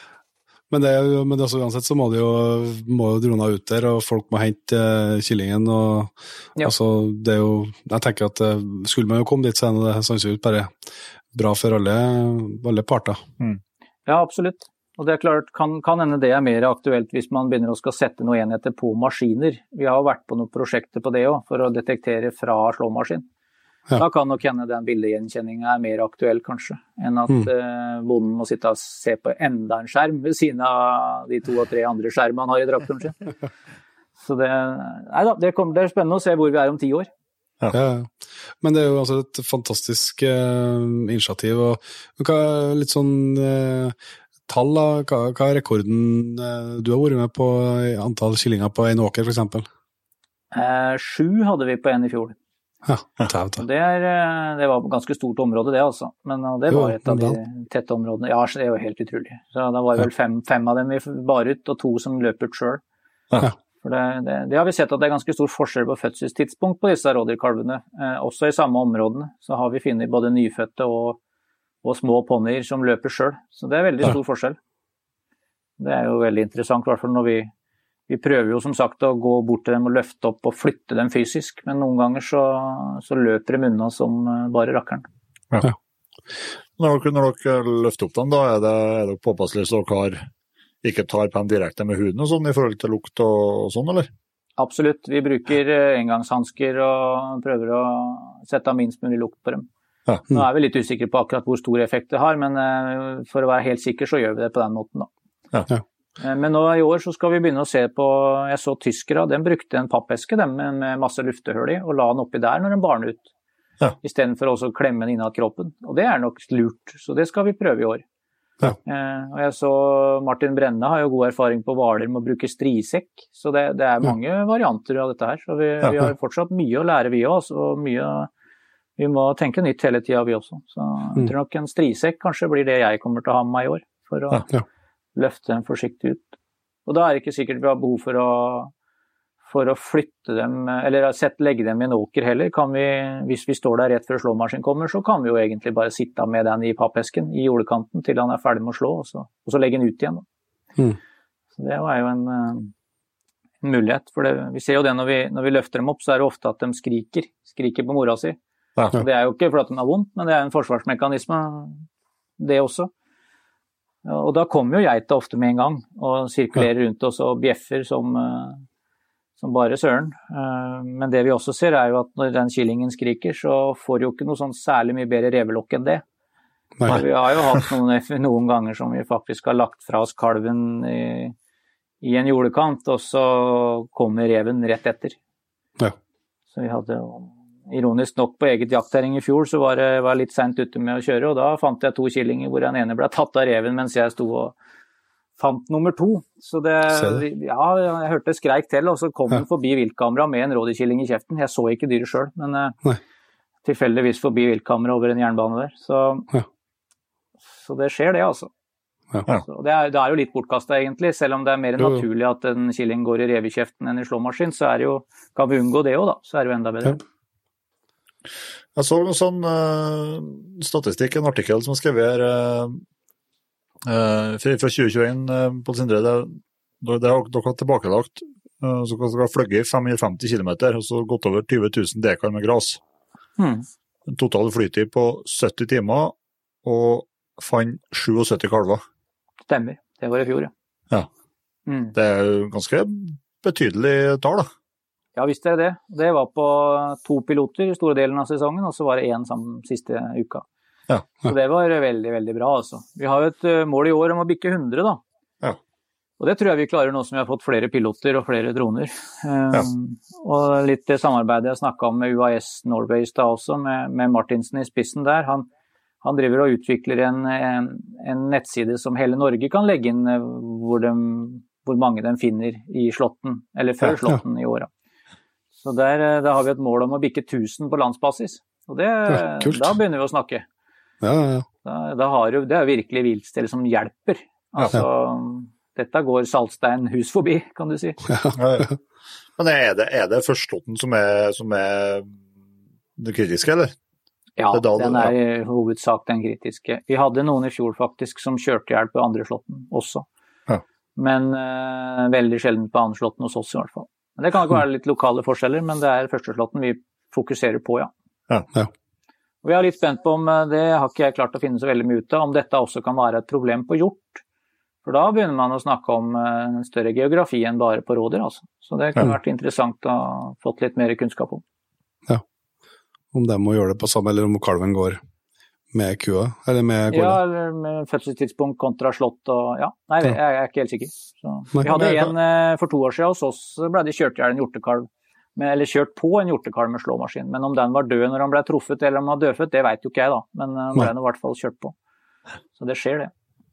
Men jeg vet dere, altså vet dere noe om eh, den tidsinferansen der, altså når, cirka når de, når de kjeder?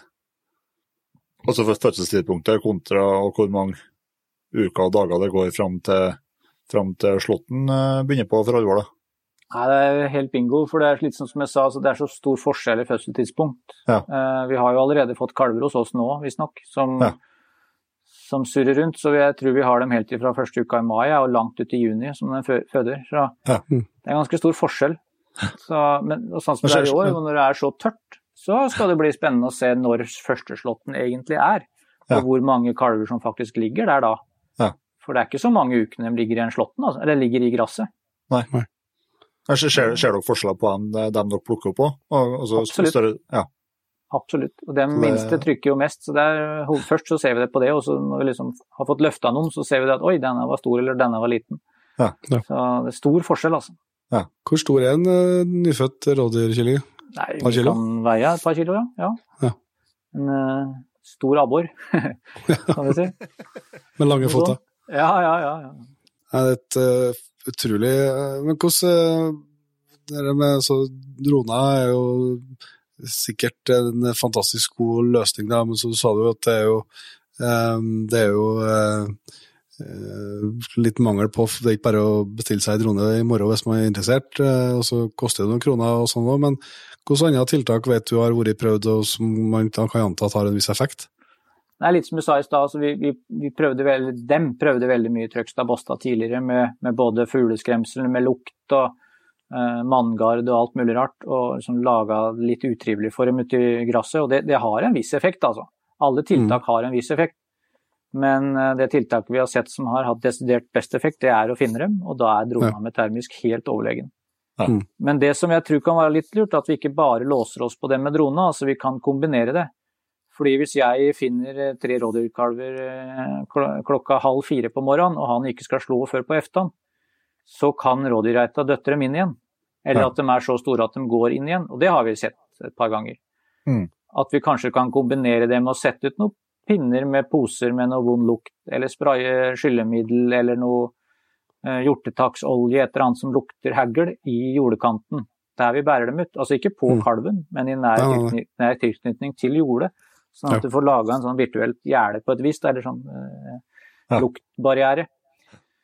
Det tror jeg. Så det skal vi gjøre i år. Ha en sånn spray på baklomma. Og så, for det er noe med det også å lage, lage gresset, enga, til å være et utrivelig område. Det tror jeg kan Mm. være litt lurt å kombinere med å fysisk flytte dem. Mm. Men det er klart, det er ikke alle som kan kjøpe drone. Og det er klart, er man en ikke så, er, så særlig stor produsent heller, og så er det jo bedre Alt er bedre enn ingenting. Altså, Det kan jo hende den uh, tofiren med kjettingstumpen fungerer fordi man kjører en sånn sidemontert sak. Og kanskje man kjører litt saktere enn man pleier, bare fordi at man vet det. Mm. Så, så alt vil hjelpe, altså. Helt klart. Men det, det får dere eh, som vanlig termisk spotter, eh, det er kanskje vanskelig, du får, du får ikke overblikket som utfordrer. utfor, altså, du må, Da må du fysisk være gå med den i, i åkeren for å få noe særlig hjelp av den, kanskje. Ja, da må vi opp. Vi kjører jo drona så kameraet stikker 90 grader rett ned. Mm. Uh, og vi så det når vi hadde med oss uh, disse UAS som lagde en film, film av hva vi dreiv med. Så, så hadde vi han droneeksperten som da kjørte over jordet med denne dyre drona si, og nei, her er det ingenting, sa han. Nei, men så sa jeg til ham at jeg tror ikke du finner noe med kamera så skrått, du må kjøre rett over. Nei da, det skulle gå fint. Så kjørte vi over med en drona vår da, til en tredjedel av prisen, vi fant jo tre. Ja, ja. Fordi at vi var helt avhengig av å kjøre ovenifra og ned. For det ligger gress over kyllingen, og det, det er ganske utfordrende å finne den for den termiske enheten. Altså. Så en Ja. håndspotter det, det kan sikkert fungere hvis du har en bakke, motbakke, eller at du klarer å stå høyt. Eller helikopter. Men, Eller helikopter. Og da tenker jeg drone, drone begynner å bli Det er ikke så mange timene du skal leie en helikopter for 40 000-50 000, altså. Så da tenker jeg, tenker jeg drone er tingen, ja. Men hvordan eh, har dere rigga liksom samarbeidet med bøndene for liksom å prøve å, rekke over mest mulig? Ja, vi har, eh, vi har egentlig delt kommunen i to hittil. Vi har noe som het eh, Trøgstad tidligere, eh, hvor det hele greiene starta egentlig opp. De har hatt en Facebook-side hvor eh, bøndene har tatt kontakt der og skriver nå at nå, til torsdag skal jeg slå, eller i morgen skal jeg slå. Og da har han eh, nevnte Asbjørn Næss, han har da hatt ansvaret for å koordinere alt det da, i den delen av kommunen. Både før og etter sammenslåinga. Og så utvida vi det litt da i 2020 til å, at resten av kommunen, dem ringte til meg. Så, Ja. så da hadde vi, jeg tre fjerdedeler og han en fjerdedel av kommunen. Mm. Eh, Sånn gjorde vi det litt i fjor også. Ja. Men i år så håper vi på at uh, de dronene som er kjøpt inn kan avlaste litt, så, men at vi kjører en felles portal. da. For vi har sendt ut, eh, sendt ut skriftlig brev og e-post til alle som produserer grass, eller som har grass i produsentregisteret sitt Ja. eh, i kommunen. Som gjør at eh, alle har hørt om det på et vis, og markedsfører det bredt lokalt og i nyhetsbrev og alt mulig rart om at det er bare å ta kontakt, så kjører vi kostnadsfritt over, over jorda. Dere, dere, får dekka inn mye av det gjennom bruk av viltfond, med andre ord. Eh, Nei, det er egentlig bare jeg som har fått betalt av dem som har vært med på dette her. Alle andre Ja, har gjort dette her tenker- i ren dugnad. Jeg tenker på eh, med, med innkjøp av droner og droner Ja. litt forskjellig sånn, da. Ja, vi kjøpte den første drona vår med viltfond, eh, Mm. som vi hadde noen rester her og der. Men det er klart, vi, vi har jo ikke noe særlig viltfond, fordi vi har, eh, som, du, eller som jeg sa i stad, altså, vi har 350 rådyrpåkjørsler, vi har 450 utkallinger i året på viltvakta vår. Ja. Eh, og den kostnaden er 15-16 ganger viltfondets inntekt. Ja. Så det er klart det er dårlig butikk. Ja. Så vi, men vi har, eh, jeg vet ikke om vi skal si vi er heldige, men vi har i hvert fall hatt noen midler til kommuner med ulverevir. Ja. Eh, Noen sånne avbøtende som skal gå til dem som er negativt berørt av ulv. Og da har vi valgt å bruke litt på jeger- og fiskesida, da, som da er negativt berørt, og har ville gjøre noe positivt. Og da har vi finansiert opp dronene med de penga der, rett og slett. Ja. Ja. Og så har vi min tid Det er jo som sagt bare jeg som har fått betalt, for det, hvis jeg skulle klart å gjøre dette, så er jeg helt avhengig av å ha det òg. Og da har vi brukt, eh, det har vi brukt vanlig kommunale budsjett på. Fordi når vi slo oss sammen i 2020, så var det jo det var, liksom, det var noen som ville og noen som ikke ville, så det var veldig negativt hele kommunesammenslåinga. Og når vi endelig klarte å dra noe positivt ut av det, og vise det at se her, se denne bambien redda vi fordi at vi er blitt en stor kommune. Så var ikke så veldig vanskelig å få ja fra rådmannen og bruke litt ressurser på det heller. Nei. Og den har vi surfa litt på, den bølja der, da. I, i, også i fjor, og så får vi håpe vi surfer litt til på den i år også. Nå får dere bli gamle Østfold fylke igjen nå. Ja da. Skal vi ta det nå, eller? Nei, da trenger jeg det. ikke Ja, En, en greit å dy seg, en Senterpartipolitiker. der, vet du. ja der ser du. Nettopp. Nei, det er over huet, det er over huet mitt, det der, heldigvis. Jeg holder meg til viltet, jeg. Ja, det er bra, det. Det er det viktigste. Ja, det er det. Men eh, det prosjektet har jo virkelig blitt eh, lagt eh, merke til i, i mange fora. En sånn litt underlig situasjon som uh, dukka opp i Facebook-feeden min i fjor, det var jo eh, når uh, det her liksom ble eh, Det var flere som ville ha del i den æren her, da. Ja da, det er mange som eh, vil være med utad på det vi driver med her. Det var jo flere, det. Jeg tipper det er Noah du tenker på der. Helt riktig. Ja da, vi hadde jo eh, eh, en runde der, for NOAH tok jo litt æra for det vi, det vi driver med. Og det, er for så vidt ikke noen sånn kjempesak, det, men eh, det er klart det de hadde gjort, det var å sende en e-post til kommunene og oppfordre dem til å ta tak i problemet. Og det er jo Mm. positivt. Ja, Men e-poster det redder ikke så veldig mye kyllinger. Nei. Altså, det blir jo litt provoserende når da jegersida har brukt så mye tid og ressurser på dette her i så mange år, Mm. Um, og ikke tatt noen sånn særlig cred, og så kommer det noen og skal forsøke å ta den creden. Det, er- det er tynt. Ja. Men det som er interessant, da, som vi snakka litt om før her òg, det er jo det at det Mm. egentlig, når i hvert fall når det gjelder det temaet her, da, så er det alle vil det samme. Mm. Om det er de mest ekstreme jegere, eller om det er de mest ekstreme vernere, så ønsker Mm. man mindre dyre, utfor, dyrevelferdsmessige utfordringer. Altså vi ønsker dyrevelferden opp, og mindre lemlestelse av rådyr. Og det, det er synd at vi skal drive og kaste stein på hverandre, eller kaste skit på hverandre, istedenfor å kunne dra noe samme veien. Da. Mm. Så vi får håpe vi kan eh, ta litt mer tak i det framover. Og, og jeg er den første til å invitere både jegere og andre som er interesserte, og ikke minst uh, dyrevernorganisasjoner til å bli med på dette her i år. Mm. Heng dere gjerne på med meg. Eh, Møte opp hjemme hos meg eh, halv tre på en morgen, så er dere velkomne til å bli med. Og det, Ja. det mener jeg absolutt. Ja. tror det kunne vært nyttig å treffes på en, eh, på en sann plattform som er så positiv for alle. Det tror jeg kunne gjort litt godt for både jegersida og uh, dyrevernsida, tror jeg. Vi er egentlig det- enige om veldig mye.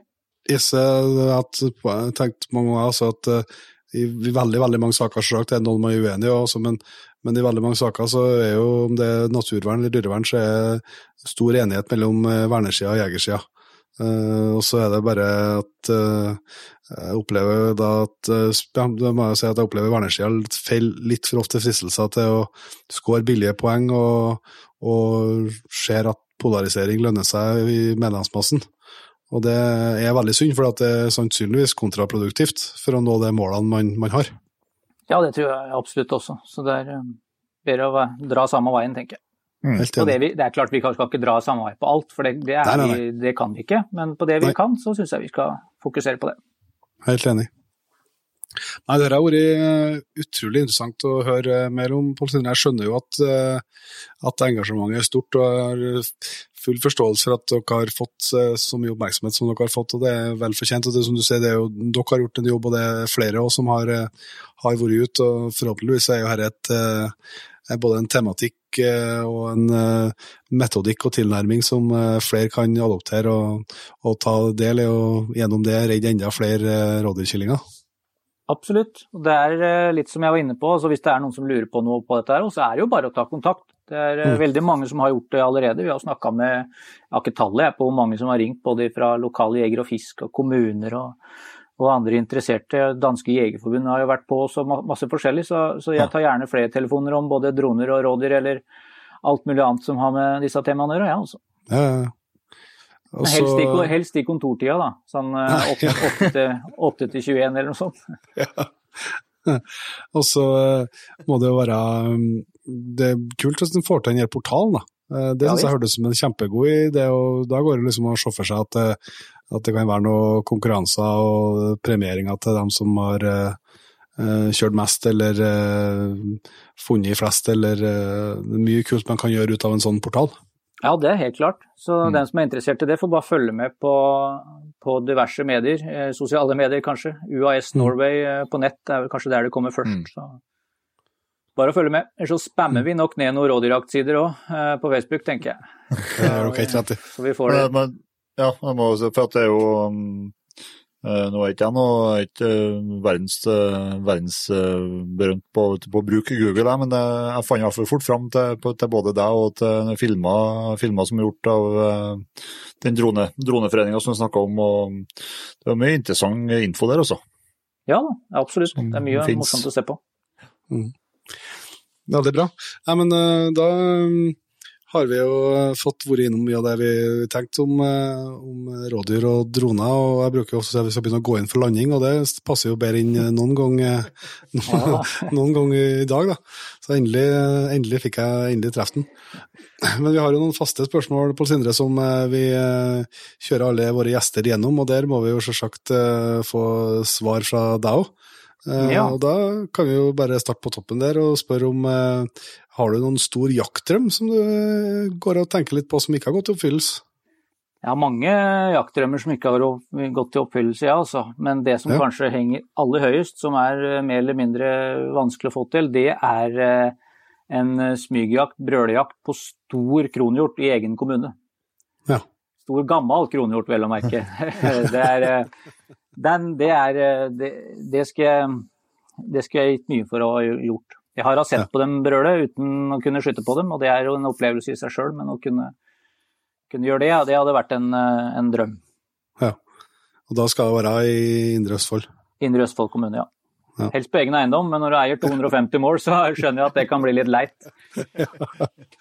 Du må til å finne, finne fram noen av de gamle dåhjortgjerdene. Ja, ja, ja. Det har vært- mye droneprat her nå, men eh, hvis det er noe uh, jaktutstyr eller forskjellig da, som, eh, som eh, du har kjøpt eller fått i den siste tida, eller noe som du vil anbefale som du er veldig fornøyd med, er noe du vil trekke fram da? Ja, det er kanskje to ting. Det ene er eh, så kjedelig som en termisk kikkert, eventuelt en håndholdt. Når vi snakker om drone med termisk, så er Mhm. Er, eh, Etter jeg begynte med det, så har jeg også prøvd en del forskjellige termiske sikter og håndholdte enheter, og det er et utrolig hjelpemiddel. altså. Mm. Så får jo gjerne folk kalle det både juks og fanteri, men eh, jeg er opptatt av at jakta skal være mest mulig human og mest mulig sikker for alle, og da er klart termiske enheter er kjempeverktøy. Mm. Brukte en del på villsvin, i hovedsak i Sverige, og det har vært eh, Ja, nei, det er, det er absolutt en, en, en greie som er en revolusjon i min jakt, i hvert fall. Ja. Og så det, det i kombinasjon med en god skytterstokk, da er den rusta for det meste, tenker jeg. Har du noe Men hva slags termisk er? Har du termisk kikkert eh, sikte, eller er det clip-on, eller? eh? Nei, jeg har en Infraray eh, TL35, en fastmontert, Ja. eh, eller ja, hurtigmontasje på blazeren. Så det fungerer greit. Det finnes jo bedre enn det, men det, den har vært grei, den også.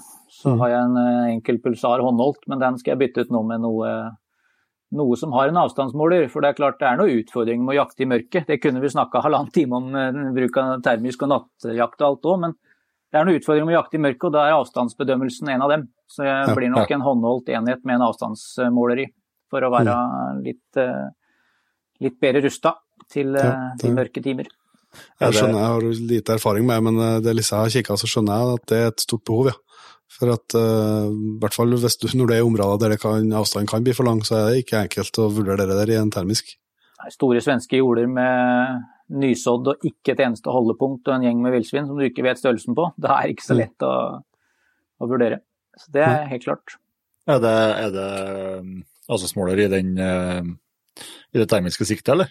Nei, ikke det jeg har. Nei. Du får vel det i Det er, litt- jeg har ikke budsjettet, sant. Jeg tjene for dårlig i kommunen til å gå opp i dem. Så får eh, prøve å smiske oss fram til en god pris på noe håndholdt et eller annet sted, tror jeg. Ja. Så jeg er fornøyd med det. Hvordan er skyt, eh, skytestokk eh, bruker du for det? noe som Det er jo en jaktutstyr som har tatt, tatt litt eh, Som har fått mer og mer fokus, da. Ja, det er jo ikke noe annet enn positivt. For det er Nei. klart, uh, skytestokk er bra. Nei, jeg bruker mange forskjellige, egentlig. Jeg har litt sånn halvveis fetisj for uh, skyttestokker, tror jeg. Ja, det er litt har, spesielt. eh, ja, det, det, er, det, det kan jeg være enig med deg i. Ja. Nei, jeg bruker en, eh, en sånn tobeint uh, triggerstikk eller et eller annet hvis jeg, hvis jeg jakter fra stolsekk, kan du si. Ja. Mm. Eller så bruker jeg en sånn trebeint triggerstikk hvis jeg går i et skog og smygjakter. Og så bruker jeg en sånn uh, kort uh, tobeint sak hvis jeg skal lokke rev. Eller sitte på ræva og jakt. Eller så bruker jeg en sånn firebeint uh, vogge, sånn Mjølnerstikk, Viperflex, et eller annet Ja, sånt noe, hvis jeg går i jord- jordekantene.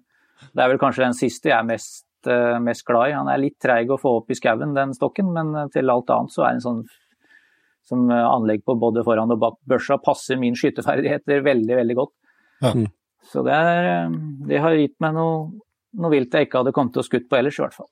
Så Ja, det er fint. Ja, de er fine, fine, fine rann også, også ikke mist. Men det, det er vel sikkert en Det er bare så vidt prøvd sånn uh, firbeint eller sånn på støtte både fram og bak, men eh, det er vel uh, fått for lite tålmodighet til å, til å trene med dem. Altså, en ting er jo selve skjøtinga, men det er å få den, eh, få den opp, da. Og få Ja. liksom rigga her uh, kjapt til. Jeg så jo på det når han eh, som laga den Viperflexen demonstrerte hvordan han brukte den, så ser jeg jo det at jeg har båret børsa feil i alle, eh, alle smygejaktene jeg har hatt, i hvert fall. For det Ja. blir noe sånn bæling. Vipper den opp og greier. Ja. Men uh, bærer den litt annerledes. så med, med løpet ned så, så var det veldig enkel, fin bevegelse opp. Altså. Så det er, litt, Ja. det er øvelse, det òg, som alt annet. Ja. Som alt annet. ja. man ser jo at den her eh, Death Bowgrip, de heter de som Ja, du- sånn en nå har jeg faktisk. Ja, Mm. ja. Den er jo så bælete og fæl å bære med seg, så den er liksom Den ser litt tung og bøklete ut. Ja, det er jo altfor tung og baklete ut, i hvert fall for en sånn Ja. spinkel kar som meg, for å bære med seg. For jeg, jeg skjøt et villsvin med den i noe sånn jordejakt i marker for et par-tre år siden her. Da var den fin og satt rolig på ett sted. Ja.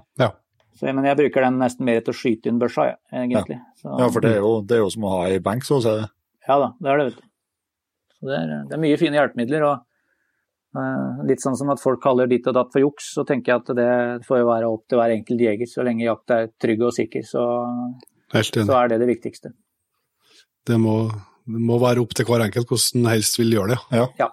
Kan man tilstrebe å få til et sikrere skudd med, ved hjelp av en eller annen form for utstyr, så eh, hvorfor skal man la være? Ja, akkurat. Og så er det en del som sliter med armer og alt mulig rart òg. Ja. Jeg har en far som bl.a. fikk tillatelse til å skyte opp med storviltprøva nå med, med skyttestokk. Og det, det er klart det er kjempeverktøy for han. Så det er Ja. mm. veldig bra. Absolutt. Det er folkehelse sånt. Ja visst er det. Og så har vi jo har vi fått mye tips om eh, flyging og hvordan berge rådyrkillinga, men hvis det går på jakta og jakttips, da, Pål Sindre, hva er ditt beste jakttips? Nei, Det beste jakttipset det tror jeg egentlig er kjenn viltet og terrenget best mulig. Ehm, Det er kanskje ikke så enkelt, men jeg tenker altså, kan man være ute i jaktterrenget hele året? Ikke bare 9. august for å se på den bukken du skal skyte den 10., men hele året. Eh, Tidligere så var det jo mer sånn at man hadde jakt i nærområdet, og man hogga litt ved og man plukka litt sopp. og man var mye mer i terrenget hele året og hadde en helt annen, eh, en helt annen kontroll på hele området. Og Det tror jeg er viktig. Å sitte og bruke tid på å observere viltet uten børse. Spesielt tror jeg det er viktig på en del av de nye artene for oss. Uh, Villsvin og til dels hjort, kanskje dåhjort framover. Altså lære mest mulig av det viltet du skal jakte på før du faktisk skal ha med deg noe å skyte med. Ja. For det er litt sånn som jeg snakka om denne brølehjorten jeg satt og titta på i halvannen time. De slåss på 80 meter. Altså det, det hadde jeg aldri opplevd hvis jeg kunne skutt den. For da hadde jeg skutt den før han rakk å gjøre så mye. Ja. Hvis jeg hadde hatt, hatt den på kvota og alt var i orden. Så det er noe med det, altså. Eh, Prøve å oppleve jakta litt uten våpen. Det tror jeg er Mm. en oppsummering på det. Ja, Veldig bra. Og så runder vi jo aldri av ja, før vi har fått oss ei jakthistorie. Det håper vi at du har ei historie på luringen til slutten der. Ja, jeg er ikke så veldig god på jakthistorier, men jeg har jo for så vidt en litt kort en som, eh, som jeg kommer til å huske lenge, og i hvert fall eh, de andre på laget også kommer til å gjøre det. Nei, Vi jakta jo, som vi nevnte litt tidligere, en del gås tidligere. Eh, Og som dere og alle, veldig mange andre veit, så er jo en del av gåsejakta tett oppi hus og bebyggelse og kjøpesenter og litt forskjellig. Um, og det var, eh, Vi jakta bak, eh, bak Østfoldhallen, eh, for dere som er kjent i Østfold. Jeg er ikke sikkert dere er det. Men der er det relativt Det er sånn at du bør helst skyte med stål, og du bør helst sitte midt ute på jordet for å være helt sikker. Og det gjorde vi. Hadde mange fine jakter der, og en av de første gangene jeg hadde med fetteren min på jakt der, så var det var før jeg kjøpte meg labrador, så han var hund, og han var best form. Så da lå vi tre stykker der og skjøt på en så Hadde skutt en ja, åtte-ti gås kanskje på morgenen og så kommer det et, eh, et følge til, og vi skyter på dem. og en av dem eh, detter ikke i smellen, som det da kan gjøre, og, ser han seiler mot jernbanen og det som da er Østfoldhallen, et stort kjøpesenter i Fredrikstad. Jeg roper til fetteren min ja, Port, løp og hent den. Ja, nei, det var ikke hans tur. Jo, sier jeg, du skulle være med, så det er din tur. Ja da, det var det. Og han beina etter, det var jo treska, da, så det var relativt lett å gå der. og Legger fra seg børsa hos oss og flyr etter. Og blir borte over jernbanen der. Det gjør jo også gåsa, vi mister den i kikkerten også. Og så kommer han tilbake da, etter en ja, kvarters tid eller noe sånt, med relativt store øyer og liksom, litt sånn antrert, da, som vi sier her nede. Ja, du fant den, eller? Ja da, løfta opp jakka, og der var det ei dau grågås. Jeg var jeg var lån, lå den? Lå den på jernbanen? Nei, sier han, nå skal du høre. Jeg kom over jernbanen der, sa, jeg, han, og så så han rundt eh, hjørnet på et skur, så satt denne gåsa på utsida av en butikk med, knek, med knekt vinge. Uff da. Ja da, da, da gjelder det jo å få rydda opp fort. For det er klart, eh, det var jo greit. Eh, og han løper jo da bort og suger tak i denne gåsa og inn under jakka. Og da ser han jo opp, og den butikken han sto på utsida, det var Tam dyreklinikk. og akkurat når han da vi- vippa denne grågåsa innunder jakka, så kom jo en av disse dyrepleierne eh, rundt hjørnet der og skulle begynne på jobb da klokka ni på lørdagen. Da. Og bare folder hendene over øya sine og holder vel på å kjøre inn i huset her, tror jeg. Han vipper denne gåsa innunder jakka og beiner over tilbake over jernbanen og bort til oss. da. Så det tror jeg han eh, Ole Andreas husker, eh, husker lenge. Ja, det vil jeg tro. Det er eh, ikke alltid det går etter planen, men Veldig bra. Jeg skjønner, jeg skjønner at du kjøpte labrador, ja. ja da, da ble det labrador kort tid etter. Så det er, Veldig, veldig bra. Det er også bra. Nei, du, Dette har vært virkelig fornøyelse på Sindre, og inspirerende til tusen. Og det håper jeg at, eh, og det er jeg helt sikker på, at det er flere enn oss som eh, kan skrive under på. Så tusen takk for at du tok deg tida til en eh, prat med oss. Takk for hyggelig prat. Veldig bra. Det var Pål Sindre Svae, det fra Indre Østfold. Det var en kjempekar å prate med, rett og slett. Ja, utrolig bra kar. Ung og trivelig, og en som kan faget sitt. kunnskapsrik, og, og så er jo det som sier han altså at uh, alt med det, den historia der om å berge rådkjellinga er positivt for alle hop. Yes. Så det er jo det som gjør det så uh, artig å holde på med, og givende for dem som, eh, som står fremst og holder på med det. Så jeg håper at det kunne være til inspirasjon. Eneste jeg hadde utsatt på praten, det var at jeg hadde håpa på litt mer, uh, litt mer østfoldsdialekt. Ja, det, det, det, det er ikke langt nok. eh, Han, er, han bor litt for langt inn og litt langt nord, så. Ja, det er jo det som var feil, da, men det, hadde, det var eneste som jeg hadde utsatt på. Ja, Men vi får finne øynene som kan, som kan fylle det. da. ja, eh, jeg har du noen på blokka der hvis, hvis du skal ha, ha bred Østfold-dialekt. Ja. Ja, det vil jeg ha.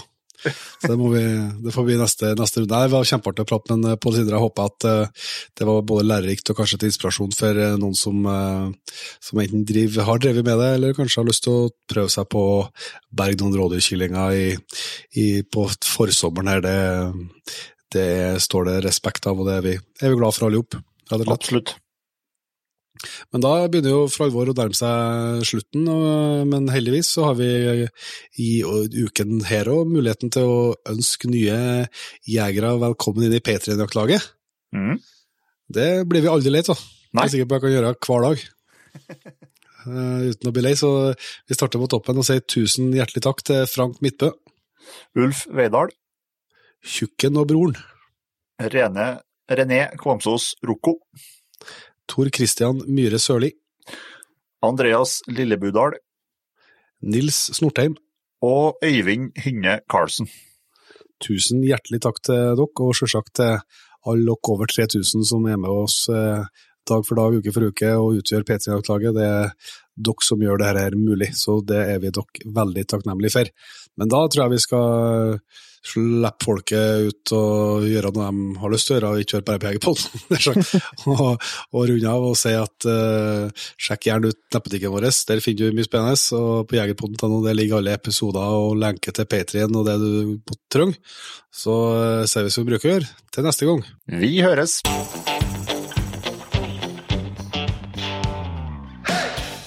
Tusen hjertelig takk for at du valgte å bruke litt av tida di på Jegerpodden. Sjekk ut jegerpodden.no eller eh, din favoritt-podkastspiller for enda mer innhold og flere episoder. Følg også Jegerpodden på Facebook og Instagram, og ikke minst, husk å fortelle alle gode venner, familie og tilfeldige forbipasserende om Jegerpodden, sånn at vi får spredd det glade budskap videre. Vi høres!